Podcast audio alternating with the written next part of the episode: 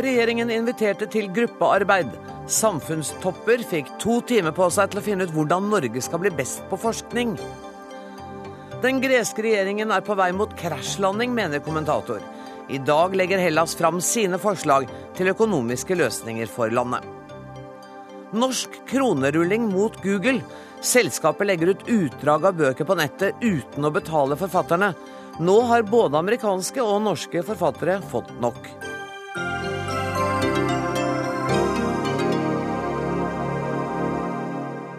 Dette er noen av sakene i Dagsnytt 18 denne mandagen, der vi også skal møte forfatteren som har skrevet bok om den somaliske jenta som drømte om OL-gull, og som var på flukt i halvannet år i et forsøk på å nå den drømmen. Men først. Hvordan skal Norge skape verdensledende fagmiljøer innen forskning? For å finne ut det inviterte regjeringen i dag om lag 40 prominente topper fra akademia, næringsliv og politikk. I løpet av et par timer skulle de finne svar på hvordan Norge skal bli best. Venstreleder Trine Skei Grande, du var en av de partilederne som deltok på dette toppmøtet. Fant dere svaret? Fant sikkert mange deler av det store svaret. fordi at eh, vi trenger et ordentlig taktskifte. Det er det vi har bidratt med med samarbeidsavtalen med regjeringa innenfor forskning. Og det som er viktig for Norge, er at vi skal med en svær omstilling. Vi skal snu oss fra en oljeøkonomi til å skape det nye næringslivet, de nye arbeidsplassene, de nye næringene som vi skal, skal leve av framover. Og da trenger vi en massiv satsing på forskning, høyere utdanning, og få løfta hele det feltet. Og da må vi ha noen som er kjempegode, og så må vi sørge for at vi også har en bredde bak dem. Men du, er det, Dette er vel andre gangen det er et toppmøte om nettopp dette. Har man et klart mål om hva dette skal munne ut i av konkrete tiltak? Ja, Nå er den første langtidsplanen til regjeringa blitt behandla i Stortinget. Og så skal vi jobbe videre med, med det inn i budsjetter. Sørge for at vi klarer å få budsjetter som følger opp på dette. Eh, det klarte vi ved høstens budsjett med en stor satsing i forhold til forskning.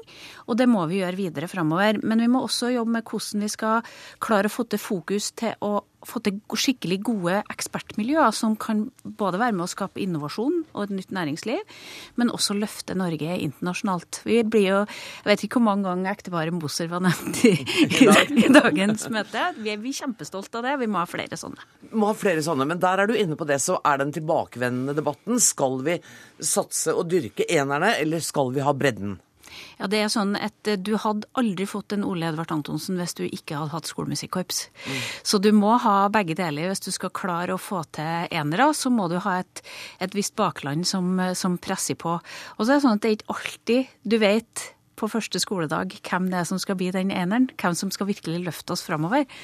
Og, og, vi må sørge for et, både et godt utdanningssystem helt fra bunnen av og oppover, og så må vi sørge for at de som viser talent, får eh, handlingsrom nok til å utvikle det talentet. Dette er jo den ideelle virkeligheten du beskriver nå. Arvid Hallén, administrerende direktør i Norges forskningsråd. Er sånne totimersseminarer måten å komme videre på? Ja, det er iallfall én måte å komme videre på. Fordi dette var en dialog mellom det politiske lederskapet i Norge og forskningssektoren.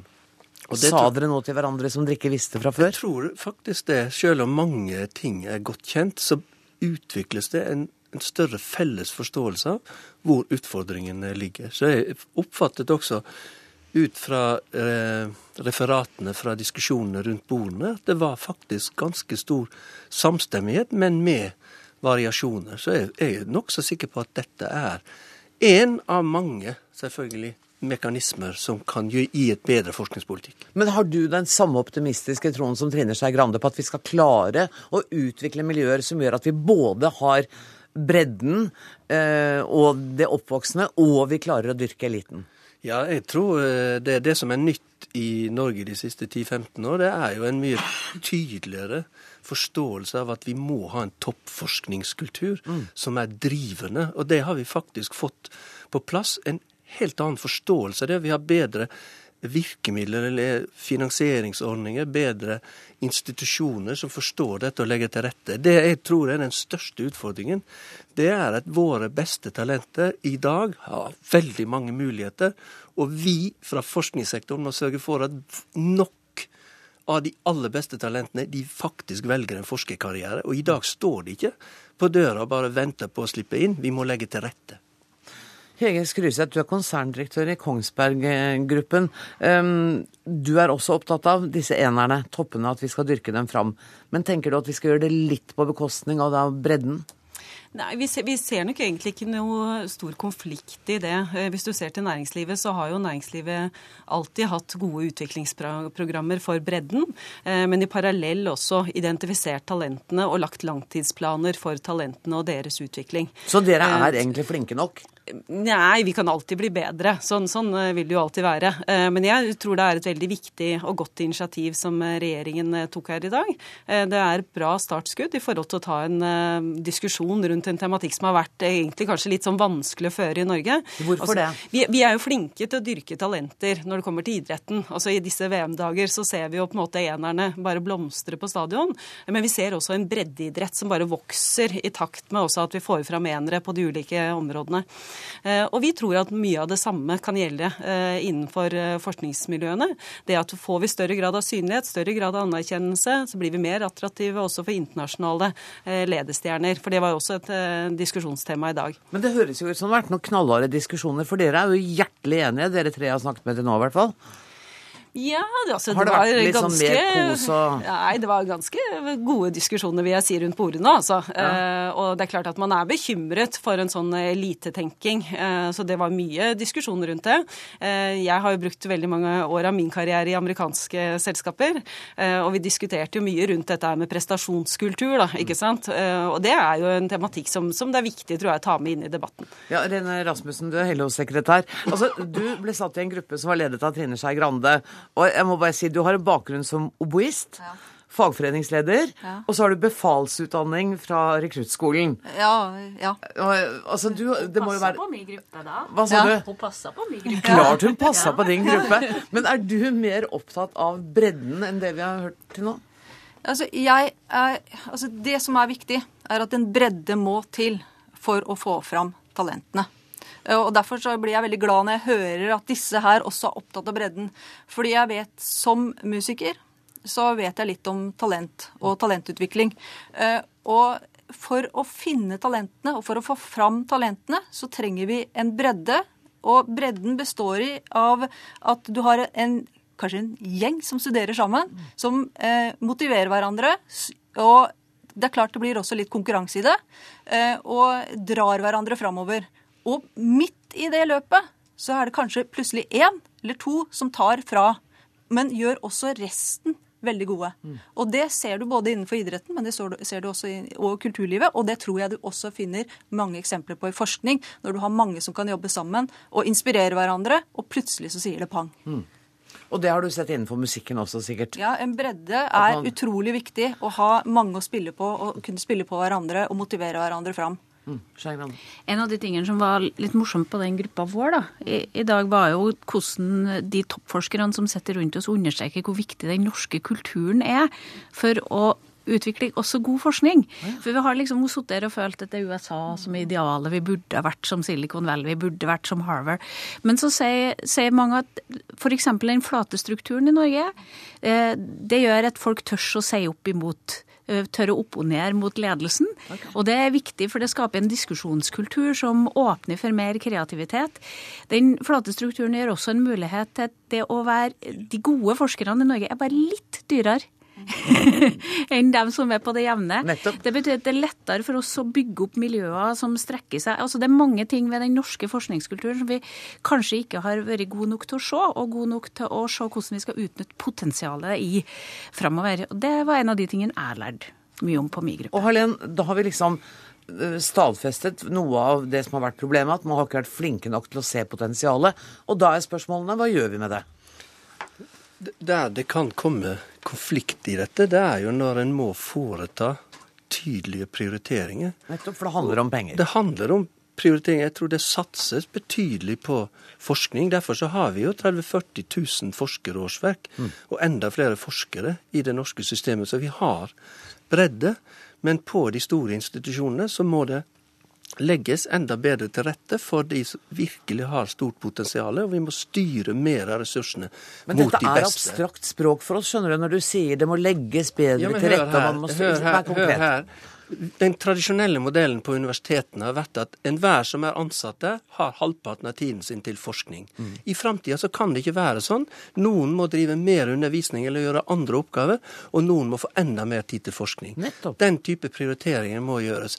De er ikke i dag veldig kontroversielle, men det er klart eh, det er ikke smertefritt å gjøre prioriteringer. En annen diskusjon det er at eh, man i dag har vent seg til at man ansetter fast, stort sett på basisbevilgning. Men når en er økende grad avhengig av eksterne inntekter, så må man endre den modellen, slik at man ikke ansetter en haug med folk på midlertidige kontrakter, som ikke er veldig motiverende for en, forskningskarriere, men nettopp tidligere kan tilby ordna eh, ansettelsesvilkår. Da, da, er det konkret, og da, da skjønner jeg litt mer eh, av det. Skryseth, hva var det du skulle si? Nei, Det er mer knyttet egentlig, Hvis du ser på produktivitetsutvalget, så var jo de eh, veldig tydelige på at noe av det som var utfordrende med motivasjonen til studenter, eh, var jo nettopp at de, eh, de fikk for liten oppfølging. Og da er vi jo tilbake til, til det Harlen sier her. ikke sant? At man ved at man også skal identifisere talentene, da, som jo var initiativet i dag, så vil man jo måtte ha mye mer tid med alle studentene. Så vi tenker at det kan komme veldig mye positivt ut av den retningen, og det prater vi mye om i dag også. Ja, Rasmussen. Nei, jeg tenker det er, det er veldig viktig. Det, det, som er viktig, er at de eh, toppforskerne våre også bruker tid på studentene. Fordi at det er forbildene. Eh, og de må ikke gå og gjemme seg. De må være sammen med studentene og motivere dem videre. Samtidig så er det en utrolig viktig ting som vi ikke snakka så mye om i dag, men det går på eh, studentfinansiering. Altså studentens eh, hva skal jeg si, rammebetingelser under studiene. Det må være rom for å kunne fordype seg uten at man er nødt til å ta en masse deltidsjobber for å kunne klare å overleve. Så her er det også noe å gjøre. og Vi ser jo nå at regjeringen i, var det i dag, i går, legger til rette for 2000 nye eh, studentboliger. Det er kjempeviktig. Men rammebetingelsene for studentene er også viktig å se på når man skal ha fram de beste. Tida løper fort. Trine Skei Grande, helt til slutt. Kan ikke jeg bare spørre, Når får vi se resultatet av dette arbeidet dere gjør? Antageligvis om 20 år. Ja, For det tar så lang tid. De store forskningssatsingene og kunnskapssatsingene det tar det lang tid før man virkelig ser virkninga av. Men, men, vi står foran en kjempeskifte for Norge. Forskningspolitikken kan endres allerede høsten. Ja, men jeg, jeg, var, var, jeg var liksom litt på vei opp og veldig glad for at dere var så enige at det skulle skje så mye fint. Men det er 20 år til, men da ønsker jeg dere lykke til med det. Tusen takk for at dere kom til Dagsnytt 18, Arvid Arlen, Trine Skei Grande, Hege Skryseth og René Rasmussen. Dagsnytt 18 alle hverdager klokka 18.00 på NRK P2 og NRK2.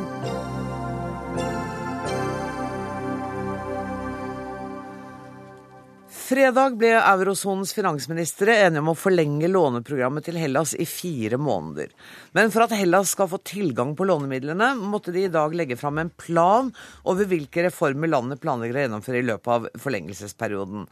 Så etter det så vil eurolandene beslutte om de vil godkjenne den planen, og altså fortsette låneprogrammet de har med, med Hellas. Kjersti Haugland, um, du er seniorøkonom i DNB Markets. Hva er det man kommer fram til her?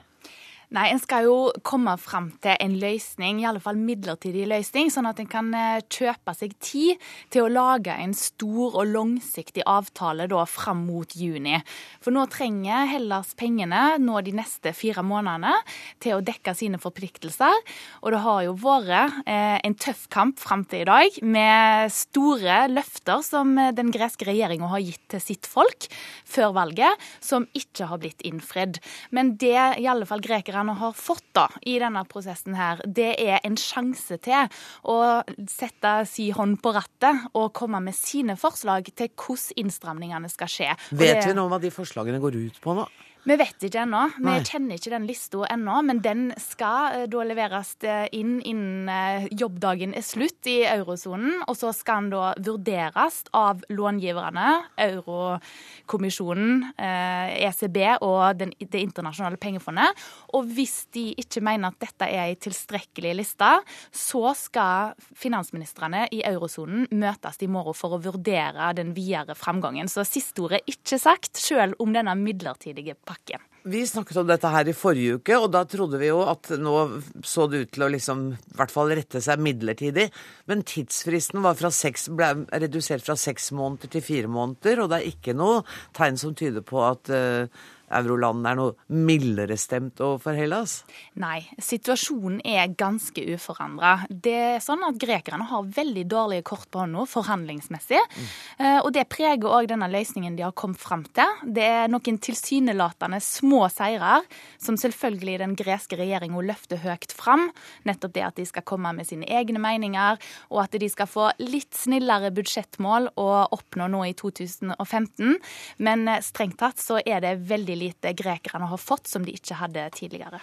Kjetil Widsvang, kommentator i Dagens Næringsliv. Du skriver i en kommentar i dag eh, at fredag krasjlandet det greske partiet Syrizas politiske prosjekt. Mener du at det allerede kan slå fast det?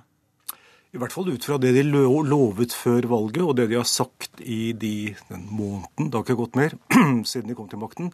De lovte, eller de ville halvere lånene. De ville bli kvitt den overstyringen fra troikaen av eh, sentralbanken og EU og internasjonale pengefondet.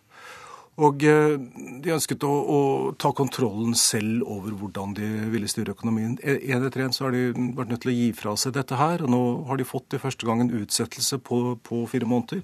Men heller ikke, heller ikke, mer enn det. Og du tror heller ikke at de fire månedene vil løse Hellas sitt problem?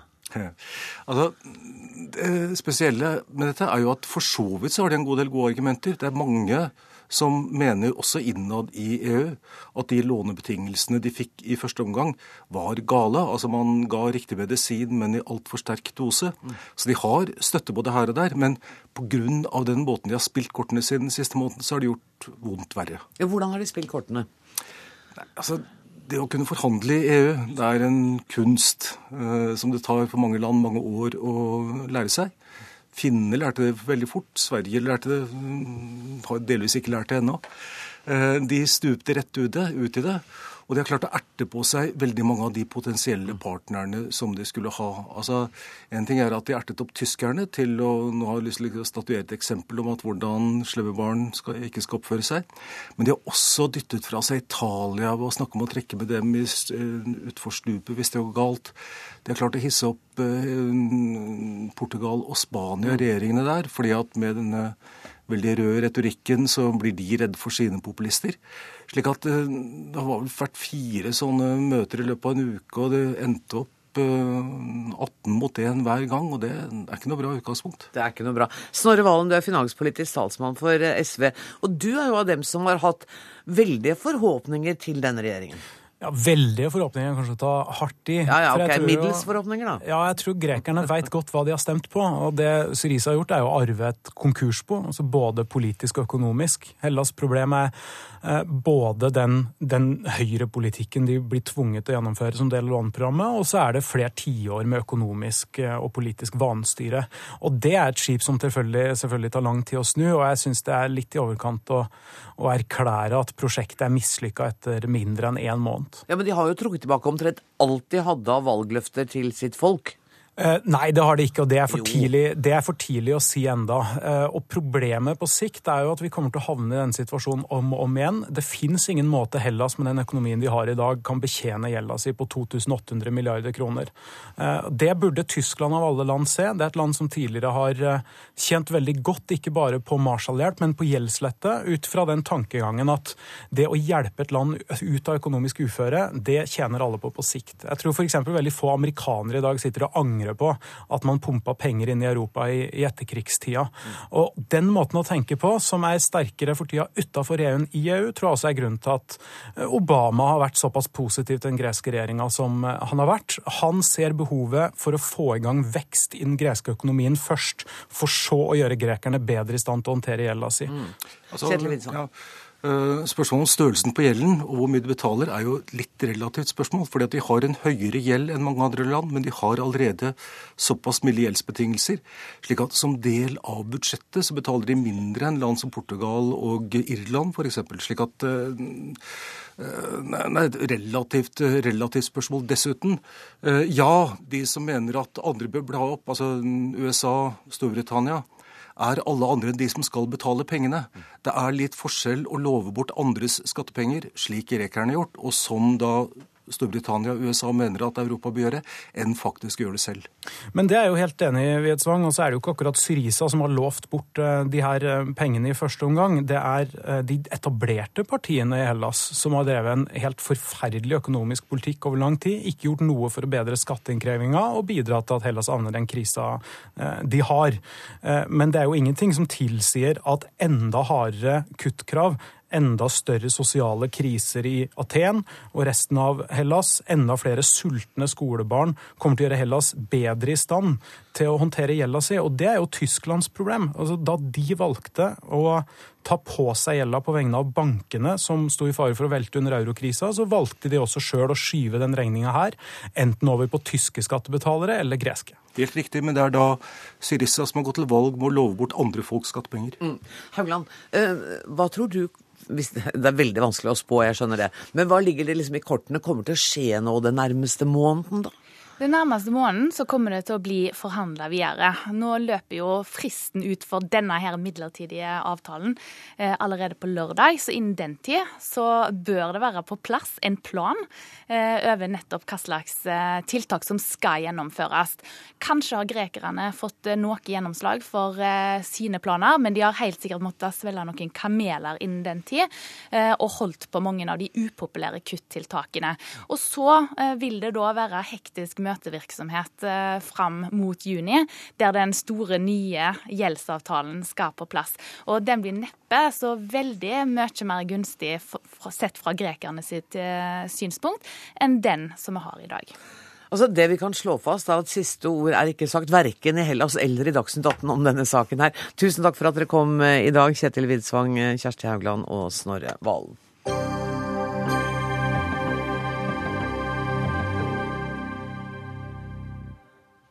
Norske forfatterforeninger har startet kronerulling for å sponse en amerikansk rettssak mot Google. Nettgiganten har nemlig digitalisert millioner av boktitler og gjort utdrag av bøkene tilgjengelig på nettet uten å betale vederlag til forfatterne. Yngve Slettholm, du er administrerende direktør i rettighetsorganisasjonen Kopinor. Hvorfor er det så farlig om eh, Google legger ut eh, noe av bøkene på nett? Man kan jo kanskje si at i utgangspunktet ikke er så farlig. Og mange forfattere og forlag vil kanskje til og med synes det er eh, greit. Problemstillingen her er jo at dette er noe Google bare gjør, uten å spørre om tillatelse. Eh, og det må være de som har skapt verkene og utgitt verkene for første gang, som eh, har råderett over hvordan dette skal brukes i den digitale verden. Dette er ikke noe bare en kommersiell aktør som Google kan gjøre og si at det er greit. Det må en avtale til med rettighetshaverne. Og dette har skapt en voldsom konflikt blant eh, amerikanske forfattere i særlig grad. Og det har vel også gått i rettsvesenet en stund? Ja, for en ikke-ekspert så er det jo egentlig bare å observere at dette har vært en eh, pågående strid i, i mange, mange år. Mm. Eh, og det var også i sin tid en avtale mellom amerikanske forfattere og forlag og Google om en måte å få til dette på som ble underkjent av retten. Eh, og det har da altså ført til ytterligere rettsrunder hvorvidt dette er lovlig, det Google nå gjør.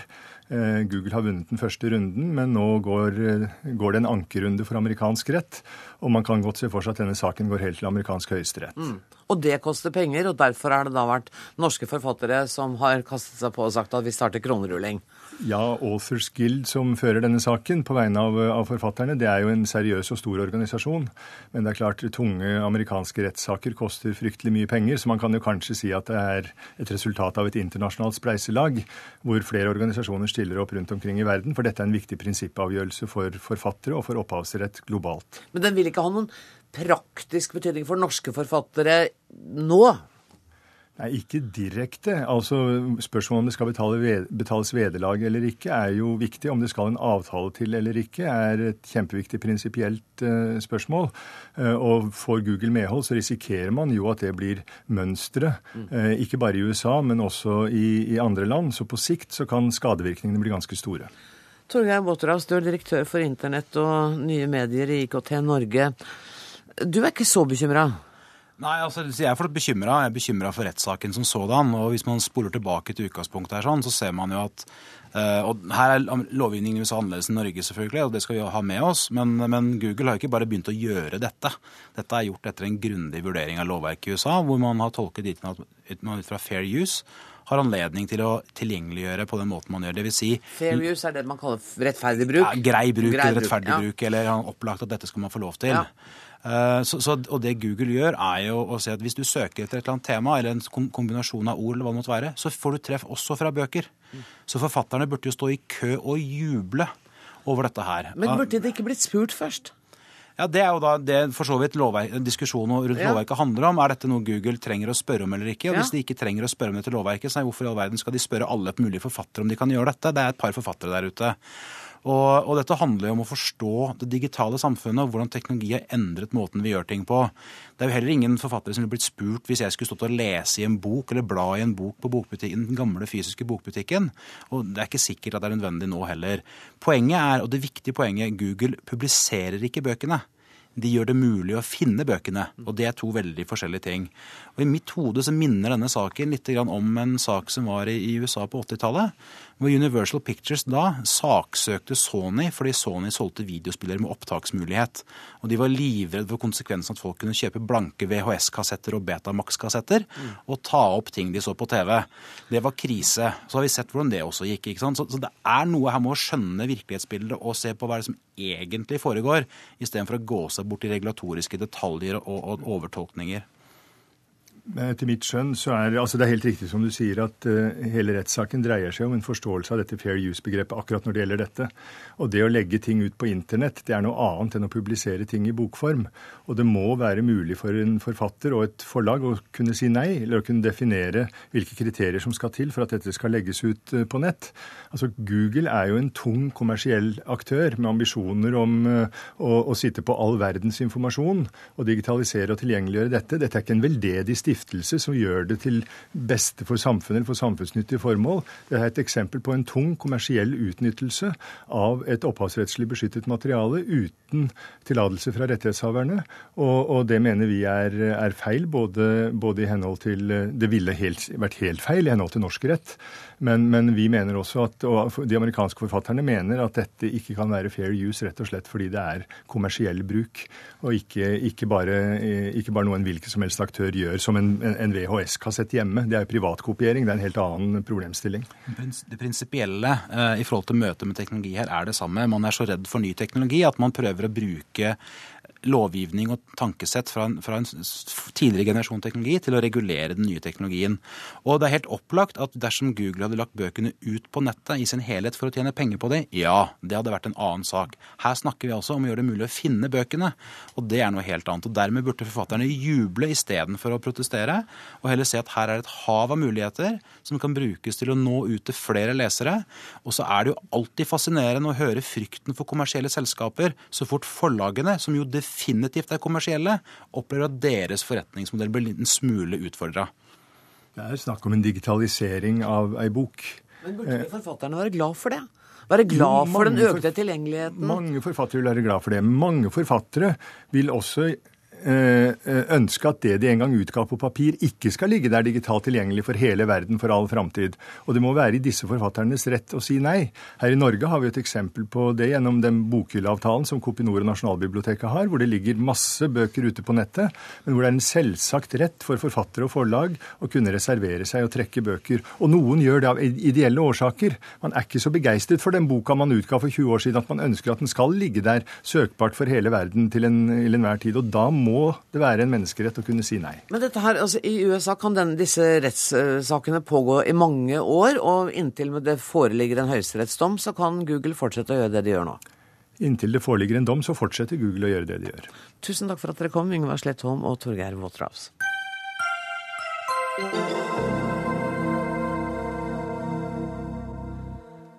I morgen starter rettssaken mot tre menn som er tiltalt for brudd på terrorlovgivningen. De tre er tiltalt for å støtte og være med i terrororganisasjonen Den islamske stat, IS.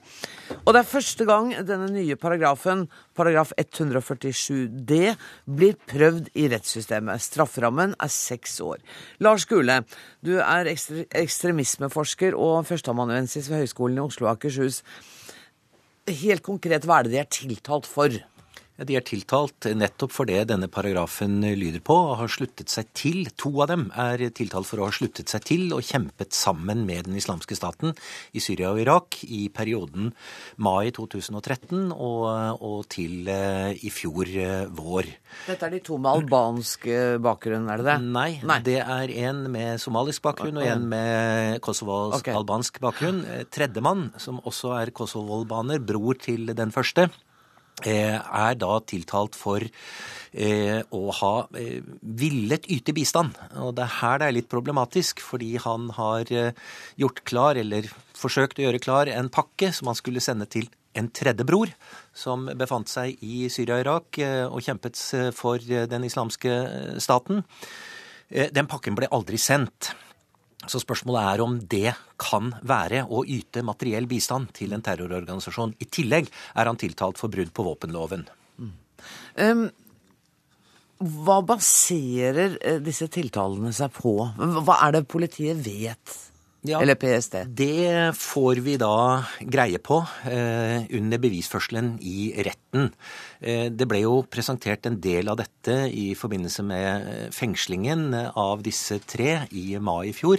Eh, det skjer når det var det første fengslingsmøtet, så skjer det veldig kort tid etter arrestasjon, og da har ikke eh, påtalemyndigheten så mye å, å legge fram, og de er også forsiktige. Men vi kan regne med at her har PST brukt det verktøyet de har, og det er ganske mye. Det, vi må anta at her dreier det seg om tett overvåkning, telefonavlytting, romavlytting, eh, kontroll av e-post, eh, selvfølgelig også vitneavhør, og nå har de jo eh, sittet i varetekt, to av dem, siden mai i fjor, så vi må regne med at det også foreligger en del avhør av disse, i tillegg til avhør av andre vitner.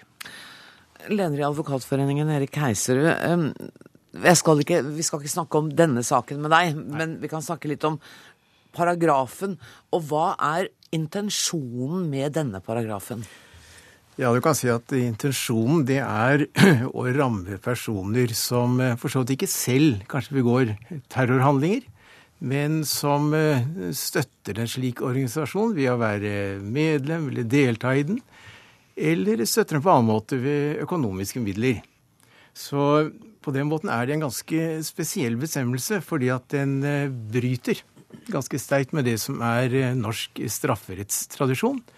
Og det er jo det at vi knytter eh, straffbarhet eller straffansvar til konkrete handlinger. Handlinger, ja, nettopp. Ja, men det er altså ikke avgjørende her. Og det gjør jo at Altså, man har diskutert en sånn fri bestemmelse tidligere. Det skjedde i 2007. Da gikk PST imot en slik bestemmelse, og det var nok en hovedgrunn til at departementet la det på is.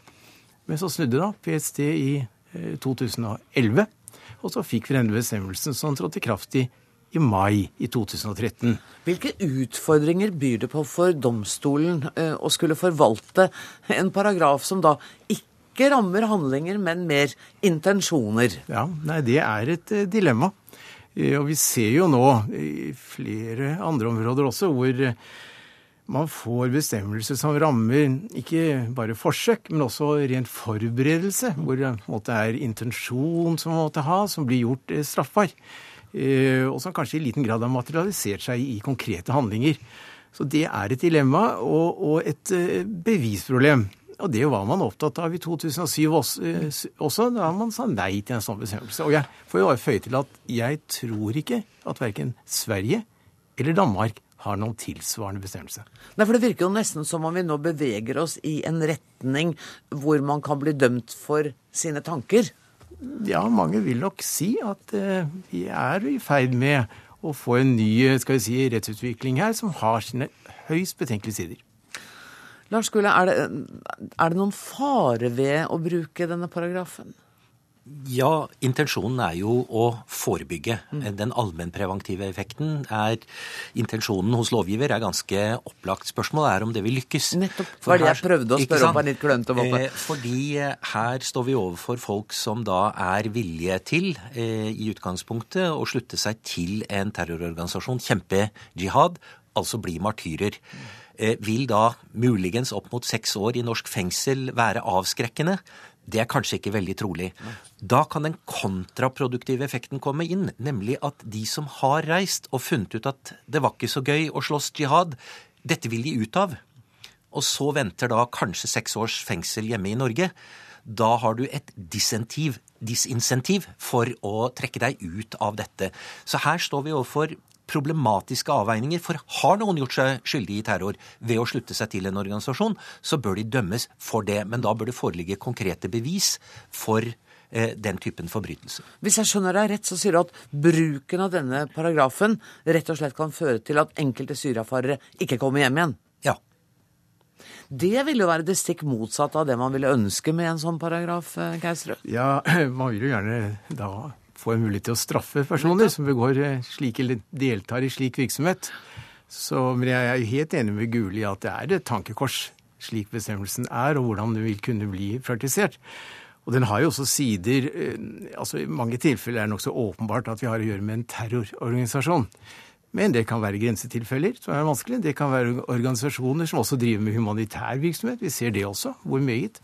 Altså, I forarbeidene står det at hovedformålet må være da eh, å drive terror. Eller i hvert fall en vesentlig del av virksomheten. Men her er det grensetilfeller. Og det går også for det å delta. Man melder seg ikke akkurat inn i en slik Nei. organisasjon, men eh, man deltar på ulike måter. Og hvor går grensen på slik deltakelse. Det er dilemmaer. Og Det er jo det interessante vi nå skal For nå skal jo retten vurdere nettopp dette og sette opp de grenseoppgangene. Mm. Men dette blir vel ikke en rettskraftig dom fra tingretten, tror du det, Gule? Da skal den være veldig godt formulert hvis begge parter eh, skal godta den. Sannsynligvis vil denne bli anket, og fordi det er eh, ny rett det er snakk om, så må vi vel kanskje forvente at Høyesterett eh, vil ha et ord med i laget. Eller får et ord med i laget. Mm. Så dette kommer vi også til å snakke om mange ganger fram til, for du er vel enig i det? Det blir ikke en rettskraftig dom fra tingretten her? Det vil jeg nok bli overrasket over. Tusen takk for at dere kom. Vi skal snakke mer om dette ved neste korsvei. Tusen takk skal dere ha. Hør Dagsnytt 18 når du vil. Radio NRK NO.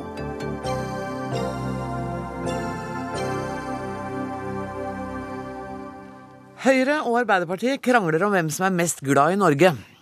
Arbeiderpartiet beskylder Høyre for å selge landet istedenfor å bygge det, og det har fått sinnene i kok i Høyre. Henrik Asheim, stortingsrepresentant for Høyre. Hvordan stiller Høyre seg til dette utspillet fra Arbeiderpartiet om at dere er mer opptatt av å selge enn å bevare? Nei, altså, de sier jo også Bare vær sinna nå, det er helt Ja, ja, ja, jeg, jeg er sinna. Men på en dannet Høyre-måte, naturligvis. Men jeg Nei, det som vi har hengt oss litt opp i, og som er litt provoserende, er å si f.eks. at dette er en unorsk politikk eller en unorsk regjering. Eh, nå kan Arbeiderpartiet kalle Høyre akkurat hva de vil, det er helt i orden det, men det er en måte å stemple motstanderne sine på. Og det er en, et angrep som er ment for å på en måte stoppe debatten. Eh, eller for den saks skyld stoppe reformen. Altså Man sier at eh, man går ikke inn i saken, man bare sier at dette er mindre norsk eller mindre vår kultur enn det vår politikk er. Og sannheten er at hvis man først skal diskutere hva som er norsk, og hva som er typisk Norge og Norges styrke, så er jo det nettopp å ha en omstillingsevne. Altså Vi, et, vi er et land som har mange ganger endret økonomien vår. Vi har vært fleksible. Vi har en åpen markedsøkonomi, i tillegg til en eh, velferdsstat med gode velferdsordninger. Sånn at det å si at det ene partiet er mindre norsk enn det andre, mener jeg blir et, eh, en måte å argumentere på som i beste fall bare er der for å stoppe debatten, men som i verste fall kan være med på å spore av en viktig diskusjon om omstillingen Norge står foran. Omstilling og salg og delprivatisering og hele det der. Eh, Trond Giske, dette førte jo til at eh, kunnskapsministeren måtte gå ut og skrive en eh, kronikk for han skrev at jeg er også norsk. Så dere har jo rørt ved noe her, da?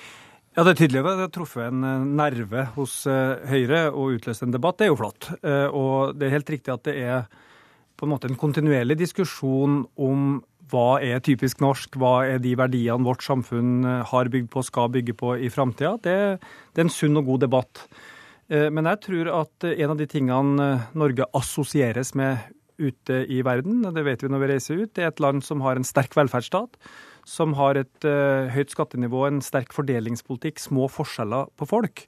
Og det jeg tror Høyre opplevde i høst, når de la fram et statsbudsjett med enorme skattekutt for de aller rikeste Jeg tror ca. en tredjedel av eh, de ni milliardene i skattekutt gikk til den hundrededelen rikeste menneskene i Norge. Og samtidig kutte for uføre med barn, kutte for funksjonshemmede som trenger bil, kutte i eldres kulturtilbud. Så treffer dem en slik grunnleggende verdi eh, midt i mellomgulvet.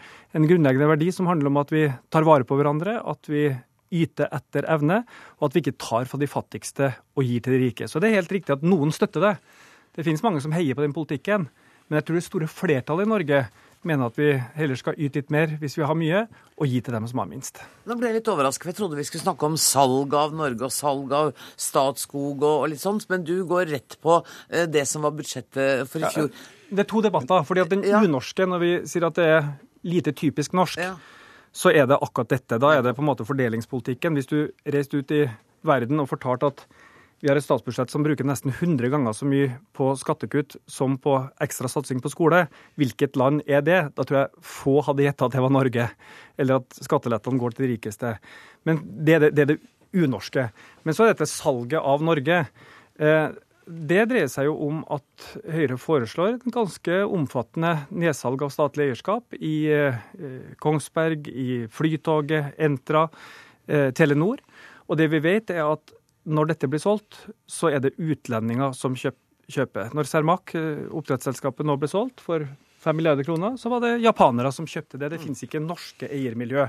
Og, det er, og, og Statskog, som jo eier en femtedel av landarealet, som Høyre også ønsker å, å, å selge, det er nå virkelig bokstavelig talt eh, salg av et eh, godt stykke Norge. Nå må Åsheim få lov å svare, men hadde dere tenkt å selge hele Statskog? Nei, altså noe av det som er litt eh, håpløst med Arbeiderpartiet også i denne retorikken, er at det er jo det Arbeiderpartiet til enhver tid mener som er norsk. ikke sant? Altså Da Stoltenberg I-regjeringen satt, som Giske var statsråd i, så ga de jo større skattelettelser på ett år i 2015-kroner enn denne regjeringen har gjort på, i noen av statsbudsjettene sine. De solgte også mye mer enn det vi har fått fullmakt til å selge. Og næringsminister Trond Giske hentet inn fullmakt til å selge flere selskaper. Og dette her er jo også fordi når man diskuterer det statlige eierskapet, og dette er litt det jeg mener som egentlig er det norske, det er at vi har en omstillingsevne. Da vi på 60-tallet eh, begynte å snakke om oljeindustrien, så var jo den null kroner på statsbudsjettet. Nå er den 15% av statsbudsjettet vårt. Hva har vi gjort da? Vi har ryddet plass til en svær næring. Det var omstilling. Det var absolutt kontroversielt. Masse debatter på 80-tallet. Men Trond Giske på en måte er, mener at vi skal på en måte stivne her og nå. Altså jeg mistenker at Hvis Trond hadde vært politiker på 70-tallet, så ville han ment at det var mer norsk å stå i telefonkø enn Willochs reformer på 80-tallet. ikke sant? Men faktum er at Norge har jo blitt til av summen av veldig mange også omstillinger og liberaliseringer. Eh, og Derfor så mener jeg at nå, når vi står foran en ny situasjon, oljeindustrien er på vei til å bli mindre viktig, vi skal omstille oss, så må vi gjøre det gjennom å ha, være fleksible, kanskje selge oss ned i noen selskaper, kanskje kjøpe oss opp i noen selskaper. Men den totale liksom, forsøket på å stanse alle reformer, stanse all debatt med at dette er ikke Norge, det er en håpløs argumentasjon. Ja, det er litt bakstreversk. Du liker, er glad i telefonkø, gjør du? Ja, jeg kommer til å tape konkurransen om å karikere motstanders eh, standpunkt her. Eh, bare for å ta det siste. altså Hele omdanninga av Televerket til Telenor skjedde jo stort sett under Arbeiderpartiregjering og Arbeiderpartiledelse. Eh, og omstilling er jo et kjennetegn ved Norge. Men hva er denne omstillinga? Det er et fabelaktig samarbeid mellom arbeidsgivere, arbeidstakere og det offentlige dette tillitsfulle trepartssamarbeidet. Det er jo også en av de tingene som regjeringa nå fundamentalt utfordrer med disse arbeidsmiljølovsendringene. Som hele, ja, men bare som hele fagbevegelsen, ikke bare LO, men lærer, lærerne, politifolk, sykepleiere, YS, alle, protesterer mot. Og da undergraver man jo også denne omstillingsevnen og den norske modellen. Ja, for du er enig lite... i at den norske er også evnen til å omstille seg, ikke sant? Absolutt. Ja. Og dette solide samarbeidet mellom sterke arbeidstakerorganisasjoner og arbeidsgiverorganisasjoner med det offentlige på lag, og ikke som en motstander som utfordrer til krig mot en av partene. Men dere har da ikke tenkt å bryte trepartssamarbeidet? På ingen måte. Nei. Vi har faktisk snakket om å gjenreise det litt. fordi under den rød-grønne regjeringen så sa jo arbeidsgiversiden at de opplevet mer og mer at dette ble et topartssamarbeid. Altså det ble regjeringen og LO, og så følte arbeidsgiverne seg utenfor. Nå er det jo et trepartssamarbeid igjen, og det betyr at eh, Og det er en veldig viktig del, jeg er helt enig med Trond Giske, det er en kjempeviktig del av den norske suksessen.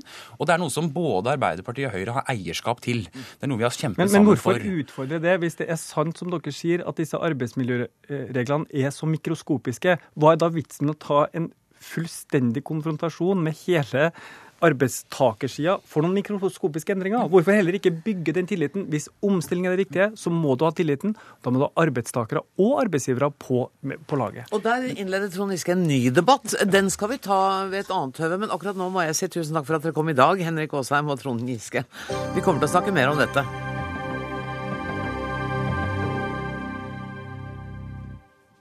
Vi skal snakke om en bok i Dagsnytt 18 nå. Den heter eh, 'Ikke si at du er redd'. Um, yeah, please come in. We have a very shy author coming in here. Nice to see you, Giuseppe Catosella. Um, Boka som eh, Giuseppe Catosella har skrevet, forteller en rystende historie om den unge somaliske jenta Samia Yusuf Omar, som drømte om å bli olympisk mester i sprint, men som druknet utenfor Lampedusa på flukt, på flukt fra det krigsherjede hjemlandet. Um, Mr. Catosella, uh, your book is a novel. Although it's based on Samia's story, why did you want to write it as fiction? Well, because uh, first, because that's my way of being in the world. Um, and second, because I think that literature can open up um, understandings of the world that essays can do. And yet you've decided to write it in the first person. Yeah. So it is like we hear, hear Samia's voice. Yeah, yeah, yeah. That was a risk, of course, because I'm not her. And many times people ask me how I could do it, and they, you know, the most the, the most honest answer is that I don't I don't know. Uh, that was done, I think, by the magic of literature. And um, but of course, um, I had a few sources. Mm. Can you come a bit closer Yeah. to the microphone? Thank you. I had a few sources Yeah. that, that you know that taught me about about Samir's life, but then um, I wanted her to be telling her story, her own story, because in some way that sounded right, the right thing. Han ville altså eh, skrive førsteperson fordi at han ville at det skulle være Samias historie. Og Samias historie begynner altså med hennes oppvekst i Somalia. Hun kommer seg til eh, olympiaden i Beijing. Hun er kjempeflink til å løpe, men ikke flink nok. Hun reiser tilbake til Somalia. I'm just trying to describe what happens when she comes to Beijing, Yeah. and then she goes back to Somalia. She decides her dream is to come to London Olympics. And then she starts her journey. It's not possible in 20 seconds to tell her tell us about that journey. But it is a journey towards freedom. And is, this is a book about courage Yeah. and freedom, isn't it? Yeah, that's true. If I had to describe this this novel in, in one word, I, I would choose freedom. Probably, um, it is, and um, the thing that struck me more, the most, was her her strength, her her power to uh, always follow, uh, you know, her dreams, uh, even though she had to come through all these horrible things. For example, during during the the, the, the trip through Africa, uh, for her the dream uh, was to come to what to what is normal for us to come to Europe. That was the the dream for her, and and she went over many obstacles in her life. And I think that even though the end is not, you know, positive, I think that she's a winner. Hun er en vinner, syns han, selv om hun altså druknet utenfor Lampedusa, nesten inne i Europa. Um, I need to talk a little bit Norwegian now. You have to excuse me. Katrine Rådin, du er enhetsleder for Utland, Norsk Folkehjelp. Du har også lest boka. Hva slags inntrykk gjorde den på deg? Den er hjerteskjærende, eh, samtidig som den er vakker, fordi den er, som du sa, den handler om mot og om frihet. Men likevel så ender den jo så tragisk, da, sånn som den gjør for veldig mange av de som eh, forsøker å faktisk bruke den retten de har til å søke asyl eh, og søke en bedre framtid. Eh, og den, sånn ender det jo dessverre for altfor mange. Og hun havner jo også i klørne på menneskehandlere som, som er bare ute etter pengene hennes, og som behandler henne og alle de andre som dyr. Eh, altså, hva, hva kan vi gjøre for å stanse dette her? Akkurat nå så er det et veldig fokus på akkurat det som skjer på Middelhavet. eh, Og det er litt synd, fordi at det er bare en del av eh, løsningen. Én ting er å redde de menneskene som faktisk kommer ut på Middelhavet. Men vi vet jo at veldig mange av de flyktningene som ender på Middelhavet, kommer fra en håndfull land. Det er, eh, det er Somalia, Eritrea, Afghanistan, Syria, Libya. Det er land med kriger og borgerkriger. Det er land med kriger og borgerkriger, og det er land med store utfordringer som vi på, et eller annet, på en eller annen måte er nødt til å løse. Hvis vi skal få slutt på det problemet. Og slutt på de lidelsene, for jeg har aldri lest så intense beskrivelser av hvordan det var. Mm. Uh, han følger jo reisen hennes uh, etappe for etappe. Mm. uh, og det er jo nesten ikke til å tro. Nei, det er jo et under at hun overlevde den reisen over ørkenen i Libya og kom til Middelhavet i det hele tatt.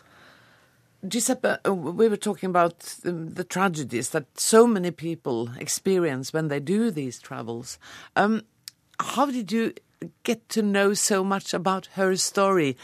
Um, you said you talked to lots of people, but Yeah. some of them must have been very close to her. Yeah. Um, well, the the main source was her her sister, her beloved sister, and she was the one that took the risk to, you know, give as a as a gift to a person that she didn't know at the beginning this story.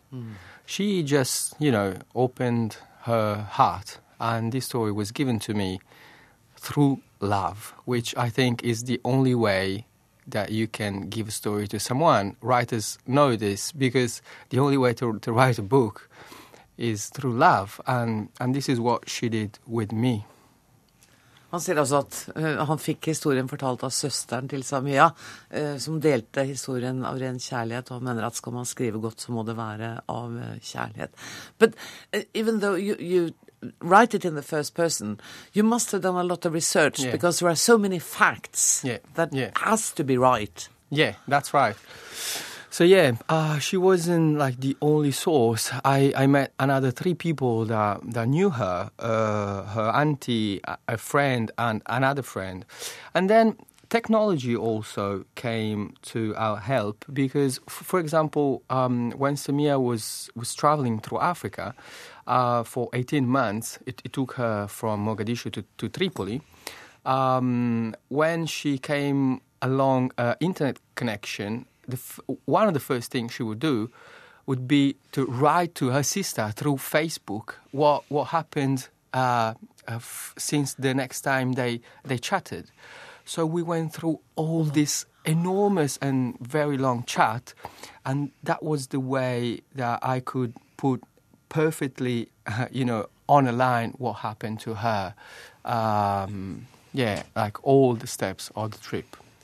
It must have been a difficult book to write, but thank you so much for having done it. Og eh, jeg må vel si, altså dette, disse problemene det, disse unge menneskene og barna eh, opplever um, Den organisasjonen som holder på med denne menneskesmuglingen, altså er det noen som jobber for å få tatt dem? Det er jo det, eh, men det er jo på en måte bare symptomene på, på noen grunnleggende problemer som må løses.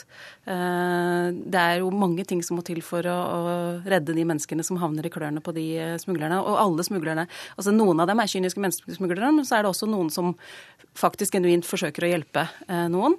Hun var jo veldig uheldig og havna i de kyniske menneskesmuglernes hender.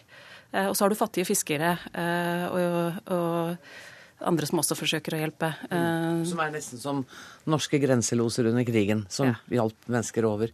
Men eh, denne boka heter i hvert fall 'Ikke si at du er redd' og handler om én skjebne. Thank you so much for coming, eh, Giuseppe Cataselle og Katrine Rådim.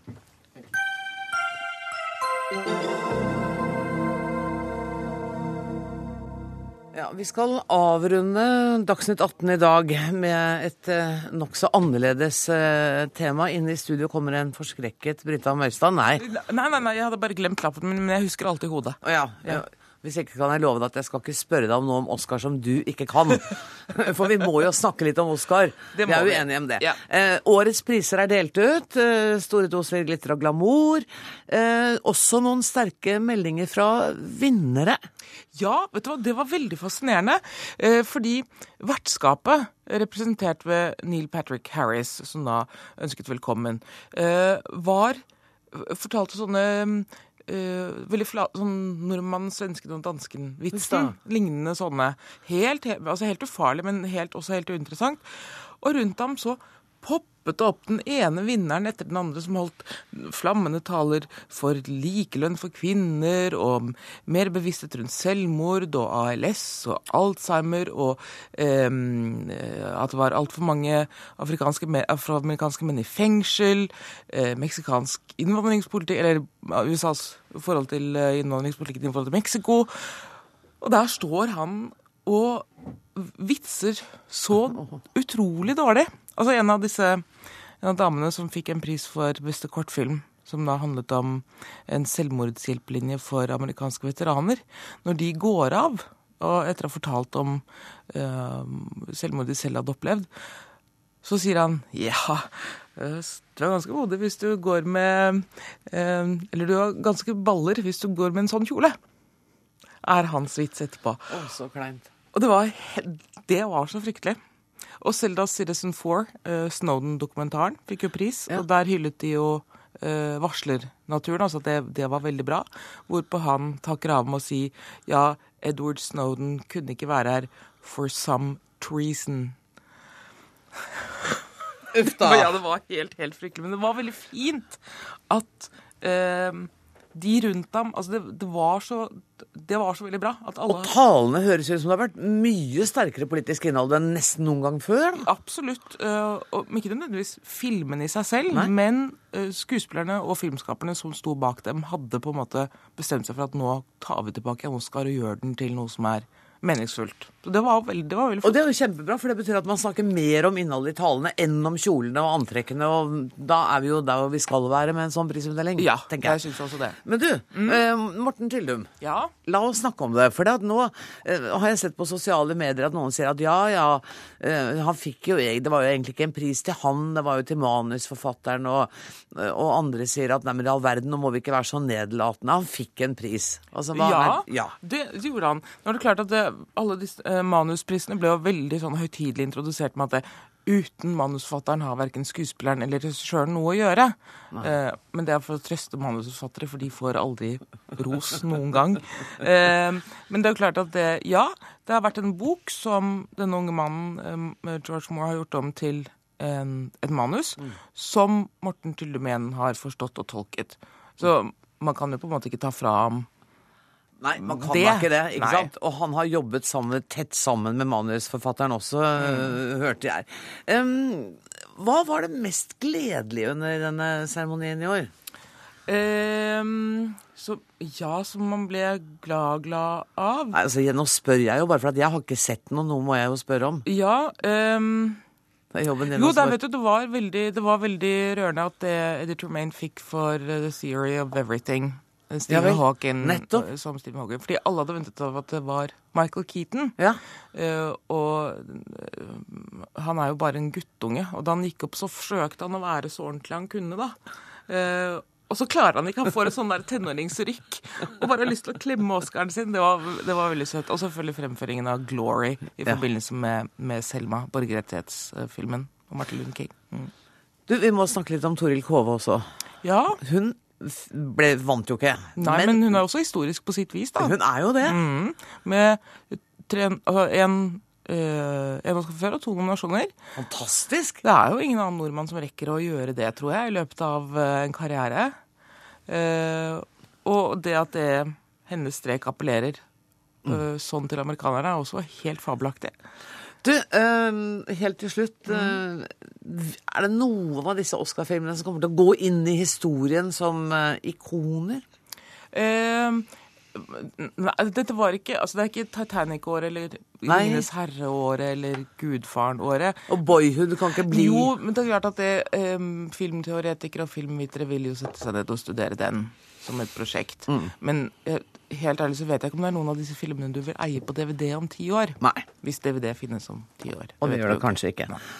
Um, Britta Møstad, jeg er bare nødt til å si tusen takk for at du kom til Dagsnytt 18. Det var veldig hyggelig å ha deg her, og, og deilig, deilig, med en oppdatering for meg som ikke har sett det. Før du går, så skal jeg bare nevne at det er Alf Hartgen som har vært ansvarlig for uh, Dagsnytt 18 i dag. Det tekniske ansvaret har Eli Kyrkjebø. Jeg heter Anne Grosvold, og hvis alt går som det skal, så er jeg på plass igjen i morgen. Takk for nå.